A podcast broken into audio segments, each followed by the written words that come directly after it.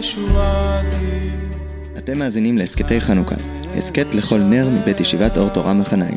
היום, נר שלישי עם ראש הישיבה, הרב שלמה וילק. טוב, שלום, אה, שלום לכולם, אנחנו אה, בימי החנוכה, ואני מבקש היום בקצרה לדבר על אחד הנושאים השנויים במחלוקת עד היום, הוויכוח הוא גדול בשאלה של אה, למה דיני חנוכה לא נזכרו באופן ישיר במשנה, וחנוכה הוזכר רק כבדרך אגב. אה, מיד נגיע לשם, רק צריך לזכור שלא רק דיני חנוכה לא נזכרו במשנה, יש עוד דברים שגם כבר הרמב"ם עומד עליהם, כמו למשל הלכות תפילין שהוזכרו רק כבדרך אגב, הלכות ציצית שהוזכרו רק כבדרך אגב, אפילו כפטור מתכלת, אה, והלכות ספר תורה שנשמטו, והלכות מזוזה, כלומר יש הרבה נושאים שנשמטו מהמשנה. ולא נעסוק עכשיו במכנה המשותף של כולם ומה יכול יכולות להיות הסיבות. הרמב"ם הרי אומר שהסיבה למשל להיעדרם של חלק מהמצוות הללו הוא העובדה שהן היו כל כך מקובלות וכל כך ידועות וכל כך פשוטות להמון שלא היה אפילו צריך לכתוב אה, דבר עליהם. אה, זה הסבר יפה ואפילו אופטימי, קשה להלום אותו עם המציאות שאנחנו מכירים של אה, ימי רבי יהודה, רבי יהודה הנשיא. או ימי עריכת, ה, ימי עריכת המשנה, ויש גם רעיונות אחרים, אבל אני רוצה להתמקד דווקא בחנוכה. הסוגיה המפורסמת אה, כמובן היא הסוגיה בחנוכה, שקשורה לחנוכה היא לגבי נר חנוכה שהזיק. כלומר דווקא בהפוך על הפוך, שזה היה אמור להיות החג של האור והחג של האופטימיות והחג של הניצחון, הופך להיות שאלה לגבי אה, הלכות נזיקין, כאשר המשנה המפורסמת שאדם עובר עם הגמל אה, ועל הגמל יש צמר והצמר נדלק בגלל נר חנוכה שמואר בחוץ ורבי יהודה בגמרא אומר ש... אה, פטורים על, ה, פטורים על הנזק, כיוון שזה חלק מהנזקים שיש ברחוב, כלומר חלק מהשימושים שיש ברחוב, והנזקים שנגרמים הם באחריות האדם שאמור לדעת שיש נרות חנוכה, כי עכשיו ליל חנוכה מה לעשות, והוא צריך להיזהר עם המסע של הגמל שלו. עכשיו, העובדה שחנוכה מוזכר, כמו שהזכרתי למשל לגבי דיני ציצית, שבדיני ציצית, התכלת, אה, הלבן פותר את התכלת וכולי, שהמשנה במנחות שדווקא מדברת בהלכות ציצית דווקא על הפטור ולא על החיוב של אה, ציצית, וגם פה האופן שבו חנוכה מוצג הוא אופן מאוד פסימי, מאוד אה, נר חנוכה שהזיק, ובסוף אם אדם שילמד רק משנה ולא מכיר שום דבר אחר, חנוכה יהיה בשבילו, אוקיי, פטורים מנזקים שחנוכה גרם. וזה באמת מעורר uh, תהייה, תהייה גדולה. עכשיו, uh, הסוגיה הזאת בכלל של נזקים שמצוות גורמות וכל מיני דברים שנגרמו כתוצאה מאדם שעושה מצווה, יש בזה עיסוק שלם. אני אזכיר אולי רק עניין אחד, והוא למשל אדם שרץ ברחוב בערב שבת, וערב שבת זה הזמן שרצים ברחוב, וכידוע, ההלכה היא שאדם שרץ ברחוב בערב שבת, כיוון שכך אה, נהוג לעשות, וכך אומרת הגמרא בבא קמא, אה, בני אדם רצים וצריכים, אני צריך לצפות שאנשים ממהרים ברחוב בערב שבת, ולכן נזק שנגרם, אני צריך להיזהר ממנו. וגם שם זה עניין של מצווה, אדם רץ לצורך מצווה, כן, הוא רץ כי צריך לחפש לקראת שבת, וצריך לעשות את זה בזריזים מקדימים, והזריזים מקדימים הזה יוצר נזק, ואת הנזק הזה פטורים ממנו. כלומר, זה שוב הלכה שדווקא מאפשרת לנזק להתרחש ברחוב, ואומרת, תיזהר, כי כן, נכון, יכולים להיות נזקים, וזה חלק מהשימוש במרחב. ויש כמובן עוד דוגמאות שלא ארצה לעסוק בהן, אבל אפשר להפנות את המאזינים, למשל למשנה, למשניות במסכת גיטין, לגבי תקנות תיקון עולם, ועוד ועוד. אבל אני רוצה לחזור לחנוכה. אחד, ה, אחד הדברים המפתיעים, למשל, אולי ההלכה המפתיעה, זה המשנה, הגמרא בשבת. כן, הברייתא מספרת על, נכון, תנור הבנן, מאי חנוכה, כולם מכירים, ואז בדף כ"א, המשנה, הגמרא, סליחה, אומרת, שבשעת הסכנה מניחו על שולחנו ודיו. עכשיו, זה מנהג שהפך להיות בכל תפוצות ישראל, משהו שאפילו, אני זוכר בתור ילד, ש, שהדליקו נרות חנוכה בבתים, בבתים, אף אחד לא הדליק בחצרות, זה רק הפך, או בחלונות הבתים, זה הפך להיות מאוד נפוץ דווקא בימינו, משום שהתפיסה כבר הייתה, וכך גם הפוסקים אמרו, שכיוון שהחנוכיה נכנסה הביתה, אז אפשר להניח במקום הסמוך לחלון, או הסמוך לרשות הרבים, אבל הפרסום מניסה התרכז פנימה הביתה. אבל באופן מפתיע, אם נאמר שמדובר על פיקוח נפש בשעת הסכנה, אז פיקוח נפש דוחה שבת, אז ודאי שהוא דוחה נר חנוכה. אז למה המשנה צריכה להדגיש לנו שבשעת הסכנה מניחו על שולחנו ודיו? ואם מדובר בסכנה שהיא לא סכנה ממש, אלא היא נוחות, עלולים, אני יודע, ככה יותר רחוקה נגיד, באיזה גרמה של גרמה של גרמה, אז השאלה למה מניחו על שולחנו ודיו. הרי אנחנו יודעים שנגיד בזמן שיש עניין של, של מסירות נפש ויש עניין, דווקא בחנוכה, חנוכה זה החג של הניצחון, של האור על החושך, ודווקא האמירה הזאת שמול היוונים אנחנו לא נבהלים, ואנחנו מוכנים אפילו למות על זה, כן? זה, זה החג של, של המסירות נפש שדוחה כל דבר, ושל המצוות ש, ש, שבשבילם מוכנים אפילו למות, ודווקא אז, כמעט באופן יחידאי בש"ס, דווקא בחנוכה מזכירים באופן ספציפי בשעת הסכנה מניחו על אה, שולחנו ודיו. וגם פה, במקביל למה שהזכרתי בתחילת דבריי, לגבי נר חנוכה שהזיק, זה גם כאילו סביב אותה אווירה כזאת, שאתה מרגיש שנר חנוכה עלול להזיק, לכן בוא בוא תחביא אותו, בוא תכניס אותו פנימה, למרות שבעצם הוא היה אמור להיות מה, ש, מה שמאיר, אה, ומה שאומר לשכנים מסביב, אנחנו לא מפחדים. אנחנו נילחם עד מוות, ובסדר, אני מוכן לקבל שכמובן פיקוח נפש דוחה שבת ודוחה נר חנוכה, אבל נראה שהמשנה וכך גם הפרשנים מסבירים שלא מדובר על פיקוח נפש, וגם ההקשרים השונים, אפשר לעיין ברמב"ן ואחרים, וגם באחרונים, לגבי מה בדיוק קרה שם ב... בחנוכה ומה הסיפור הזה של בשעת הסכנה של בבל, בשעת הסכנה מניחו על שולחנו ודיו, מה בדיוק, מה בדיוק הכוונה. אבל בכל אופן, אה, אפשר היה להסביר, וזה אחד ההסברים, נגיד, הנפוצים ביותר, שאני מכיר לפחות על חנוכה, אני אומר אותו למרות שאני לא משוכנע שזה הנימוק השלם, אה, שחז"ל באופן כללי, רבי יהודה הנשיא ואחרים, התנערו קצת מחנוכה. הרגישו שהחג הזה הוא חג שמעצים מאוד את הלאומיות מול התורה. החשמונאים כאנשי המקדש ואנשי הכהונה שלקחו לעצמם את המלוכה, ולמרות שלא יסור שבט מיהודה ומחוקק מבין רגליו, שזה רבי יהודה הנשיא. ויכול להיות שבאמת העובדה שחנוכה נשמט מן המשנה, למרות שלדעתי, לאור העובדה שיש עוד הלכות מסוימות שנשמטו מהמשנה, שזו לא הסיבה, אבל בכל אופן, שזה נשמט בגלל שהיה פה כתר מלוכה שנלקח בידי, בידי החשמונאים ובידי משפחת כהונה, ולא מצא חן בעיני הפרושים ולא מצא חן בעיני בית הנשיא, שאחר כך יבוא רבי יהודה הנשיא ממנו.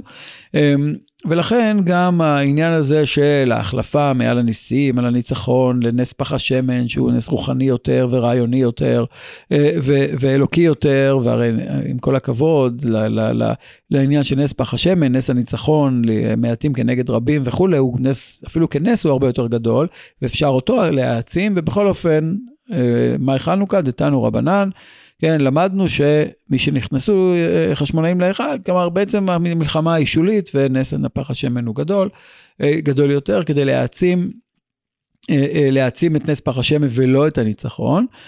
ו, וזה בגלל המאבק שיש בין בית הנשיא לבית חשמונאים. אבל אני לא רוצה להקטין, ואני חושב שזה לצאת בקלות מההגדרות הללו, ואני רוצה להציע הצעה שאולי קשורה לדברים, אבל היא לא, היא לא לגמרי שם.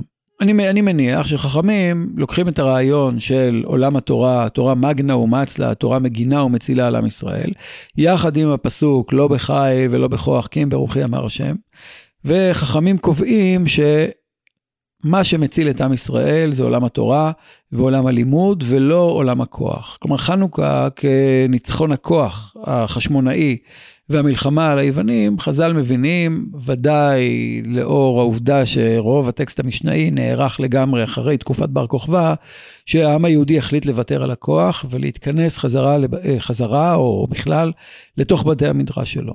כלומר, באותה תקופה, כאשר יש קנאים בעם ישראל של בית המקדש, ואחר כך יש את הקנאים השניים של מרד בר כוכבא, ויש אה, מלחמות והעם היהודי, כמו כולם, בחר, בחר לו בכוח.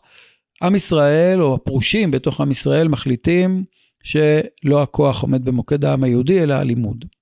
עכשיו, היו הרבה ביקורות על זה, גם היום יש הרבה ביקורות על זה. יש הרבה ביקורות על, על העולם החרדי שבוחר את הלימוד במקום השירות בצבא. על, הישיב, על ישיבות ההסדר שבוחרות את ה... לפחות להיות בצבא רק חלק מהזמן, ולומר שבסוף, שמה שעומד במוקד של החברה היהודית זה לימוד התורה. או בכלל לימוד, הרי בסופו של דבר, אם פעם אנחנו היינו במקום היחיד בעולם שהייתה בו מערכת ציבורית אה, של למידה מגיל אפס, או לא מגיל אפס, מגיל שש עד, אה, עד אה, עולם הישיבות הגבוהות של תקופת שלהי בית שני ותקופת האמור, סוף תקופת התנאים והאמוראים, ועד היום מה שעומד במוקד העם היהודי, עם כל, ה, עם כל העובדה שאנחנו, ודאי כישיבת הסדר, אה, שולחים חיילים לצבא אה, ומעודדים את השירות בצבא, וגם אנחנו, גם הצוות, גם הצוות שותף כמובן, היינו קצינים וחיילים. אה, וכולי, אבל בסופו של דבר אנחנו מבינים שמה שמציל את עם ישראל, לא באופן מיסטי, לא באופן של, אה, אני יודע, אם נשמור תורה, אז הקדוש ברוך הוא יציל אותנו, אלא גם באופן ממשי. בסופו של דבר, שרידותו של עם היא בספרים שלו, שרידותו של העם היא במראה המקומות שלו, שרידותו של העם היא באור שמאיר את הספר ולא באור ש, של, של, של המלחמה.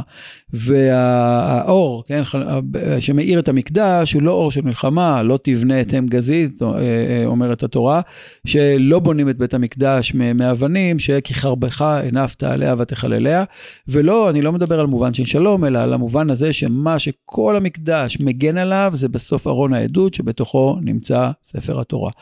ובמובן הזה, זה הספרייה הלאומית שלנו.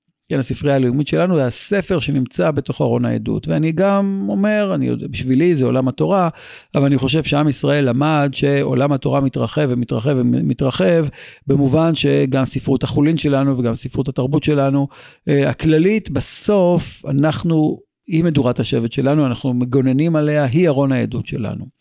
ואני חושב שעם ישראל הבין את זה לאורך כל הדורות, ולכן פעמי המלחמה שחנוכה עלול לעורר, היו בעיני חז"ל משהו שהם אה, גם יכול להיות שהם חששו ממרד, אחרי שתי מרידות שעלו לנו בדמים גדולים ובחורבן הבית. אבל מעבר, אני חושב שזה מעבר לריאליזם הפוליטי הזה שאומר, אם אתה חלש מדי ואתה רואה שזה מה שקורה, אז אולי כדאי שנכופף את הראש.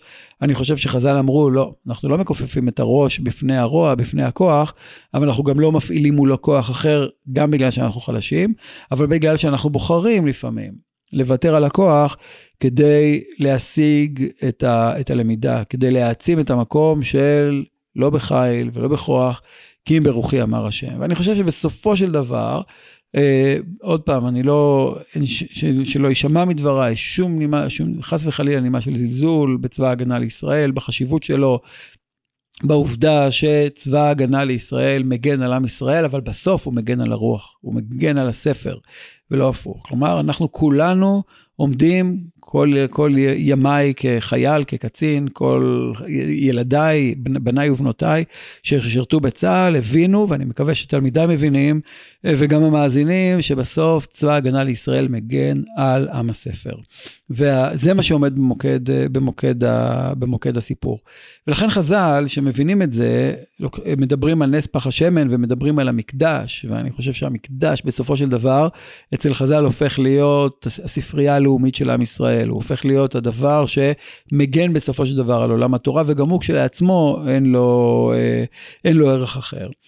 ויכול להיות שמה שחז"ל עשו זה, והרבה אנשים מאשימים, בתבוסתנות, כן, במניחו על שולחנו ודיו. אבל כולנו יודעים שבאותה מסכת שבת, שהגמרא אומרת שנר חנוכה מניחו על שולחנו ודיו, באותה, באותה מסכת מדובר על הנר של השולחן שמאיר את הספר, כן? שבשבת אסור לקרוא לאור הנר, כיוון שרבן גמליאל קרא והיטה. כלומר, הספר על השולחן, המנורה על השולחן מאירה את הספר.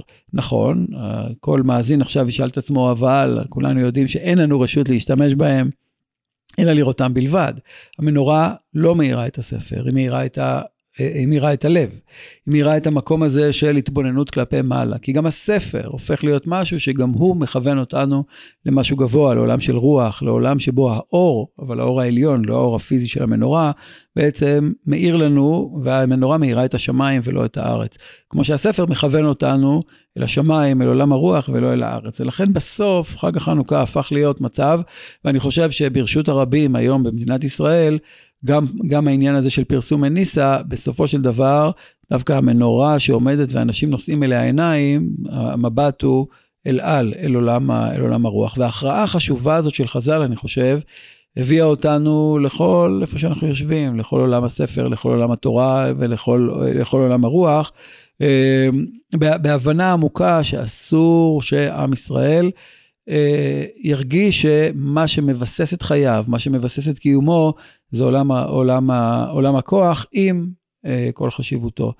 ואני מקווה מאוד שהיום, בימים הללו, שאנחנו מקליטים ושומעים, וככה, פעמי, פעמי הקרבות ואיראן וההתקוממות שהולכת וגדלה ביהודה ושומרון, נקווה שאכן לא נזדקק, או נזדקק פחות לחיל ולכוח, ונשתמש בהם בתבונה, ורק כדי ש...